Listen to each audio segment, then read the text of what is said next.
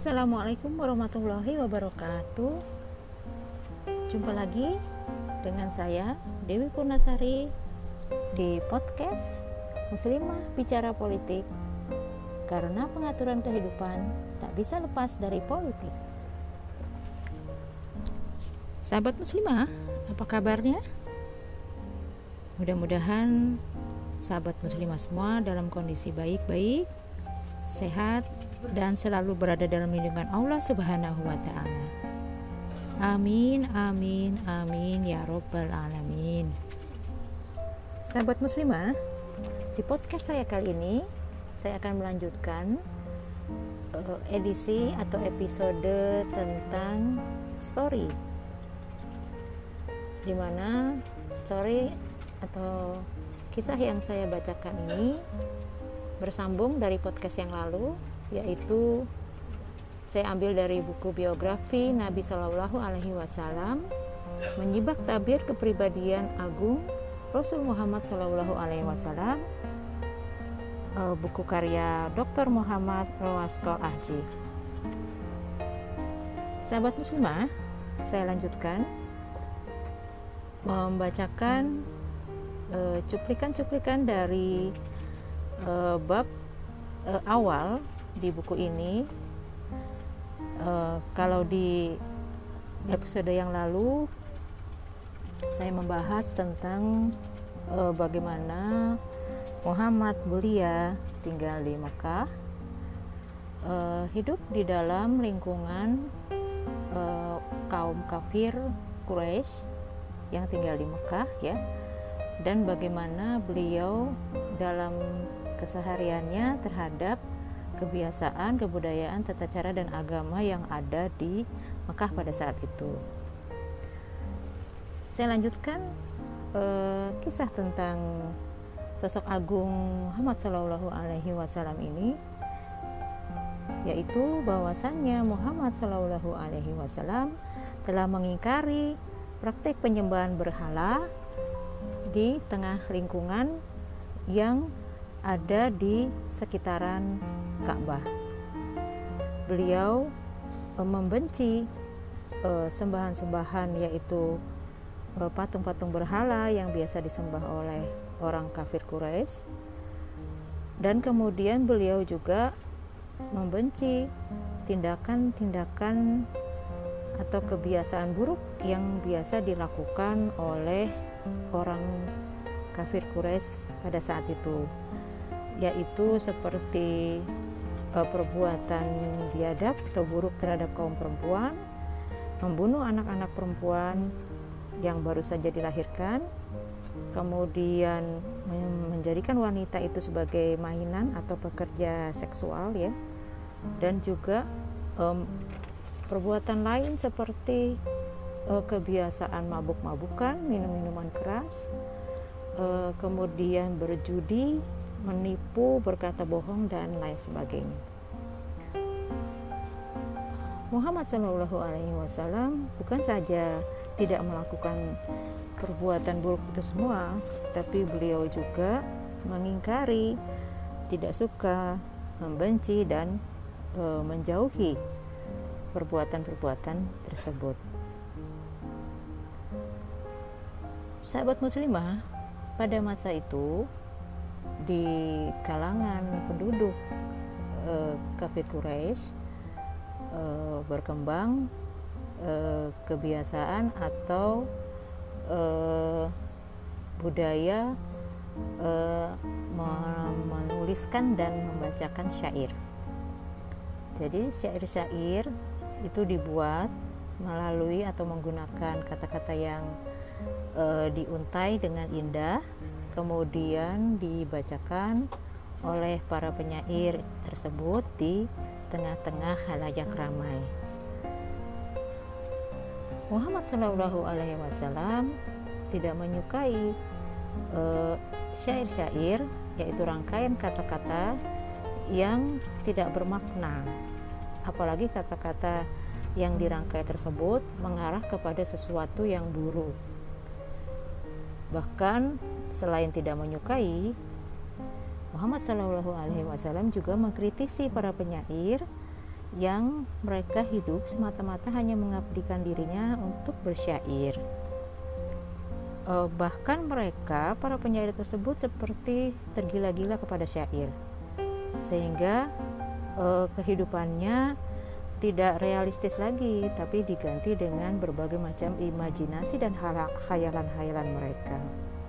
Bahkan mereka meninggalkan keluarga dan anak-anak mereka untuk uh, pergi uh,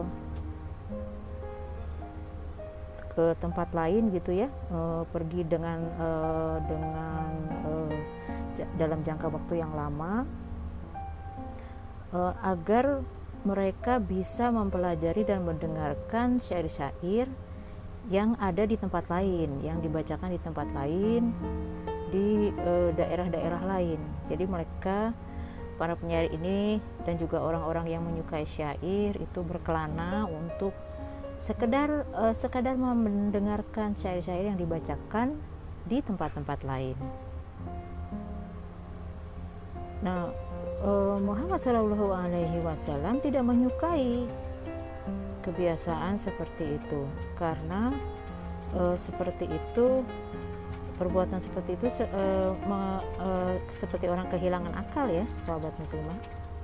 Jadi tergantung atau uh, uh, kecanduan kepada syair sehingga uh, lupa akan uh, kondisi yang sebenarnya atau realitas yang sebenarnya gitu ya. Kemudian bahkan ada yang sampai meninggalkan kewajiban-kewajibannya di dalam keluarganya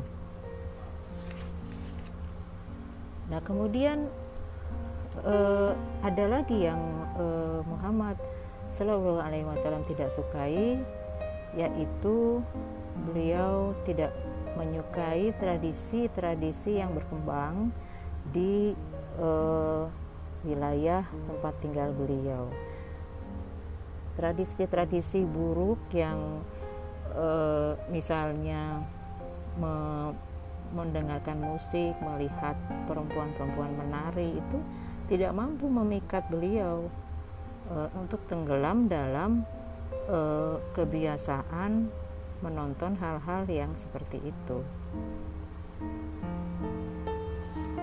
Sahabat muslimah, para ahli sejarah dan penulis biografi atau sirah itu selalu menuturkan hadis pernah atau e, sering menuturkan hadis dari Ummu Aiman. Itu ketika Rasulullah SAW diberitahukan oleh paman beliau agar eh, menghadiri suatu hari raya yang biasa mereka eh, rayakan pada saat itu. Eh, pamannya tersebut berkeinginan kuat agar Muhammad Rasulullah menghadiri eh, hari raya tersebut sehingga kemudian di disuruhlah uh, Muhammad Shallallahu Alaihi Wasallam keluar bersama dengan uh, orang yang lain, teman-teman dan para kerabat menuju ke tempat perayaan hari raya tersebut. Uh, beliau ikut di situ. Awalnya beliau merasa senang gitu ya karena mau bepergian dan diperintahkan oleh pamannya. Akan tetapi tidak lama kemudian beliau kembali dengan rasa takut. Karena uh, beliau berkata gitu beliau kenapa? gitu. Tiba-tiba beliau merasa takut. Ada suatu rasa yang menggetarkan gitu ya. Ketika ditanya beliau menjawab tatkala aku mendekati sebuah berhala tiba-tiba seorang laki-laki yang berpakaian serba putih dan tinggi menjelma di hadapan di hadapanku seraya berteriak kepadaku di belakangmu ada berhala jangan kamu sentuh.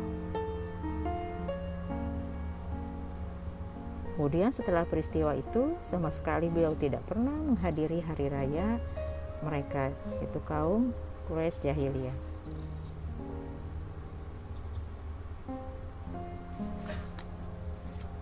Sahabat muslimah, Rasulullah SAW eh, ketika beliau masih belia eh, banyak kawan-kawannya atau kerabatnya yang menuturkan keindahan, kecemerlangan, kelembutan dan kebaikan beliau dalam menjalani kehidupan sehari-hari. Ada satu kisah bahwa ketika eh, Muhammad Shallallahu Alaihi Wasallam mengetahui ada suatu pesta perkawinan ya di Mekah, lalu beliau ingin melihatnya atau menghadirinya. Muhammad Shallallahu Alaihi Wasallam kemudian menuju ke tempat tersebut uh, untuk melihat dan uh, menghabiskan waktu bersama para penghibur dan bersenang-senang dengan para pemuda Quraisy yang lain. Namun anehnya begitu sampai lebih awal di tempat tersebut, beliau duduk di tem uh, beliau duduk di depan pintu ya sembari menunggu kedatangan teman-temannya karena beliau datang lebih awal. Tiba-tiba Allah mengirimkan rasa kantuk kepada beliau yang sangat. Beliau pun terus tertidur pulas sepanjang malam sehingga beliau dibangunkan oleh panas matahari pada hari berikutnya. Jadi Rasulullah sama sekali tidak melihat atau menonton bahkan tidak pula duduk bersama atau bersenang-senang dengan para penghibur ya perempuan-perempuan penghibur seperti yang dilakukan para pemuda Quraisy yang lain.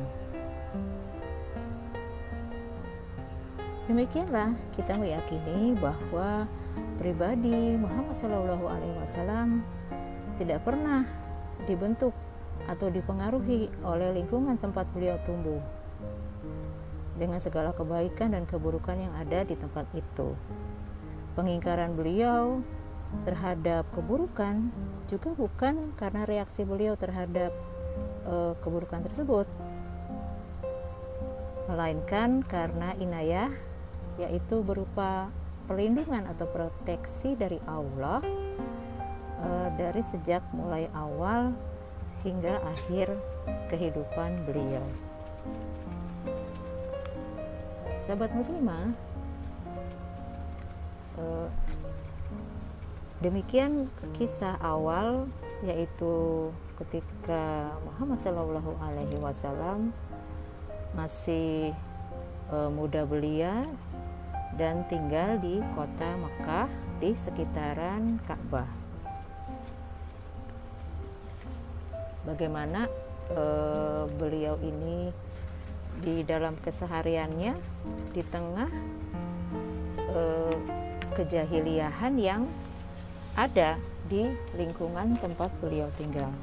Tetapi, masya Allah, beliau tidak terpengaruh sedikit pun dengan segala eh, keburukan, tingkah laku atau perbuatan kebiasaan buruk yang biasa dilakukan oleh masyarakat eh, Quraisy jahiliyah tersebut bahkan beliau uh, sering uh, mengecam dan mengingkari dengan kata-kata keras terhadap perbuatan-perbuatan buruk tersebut.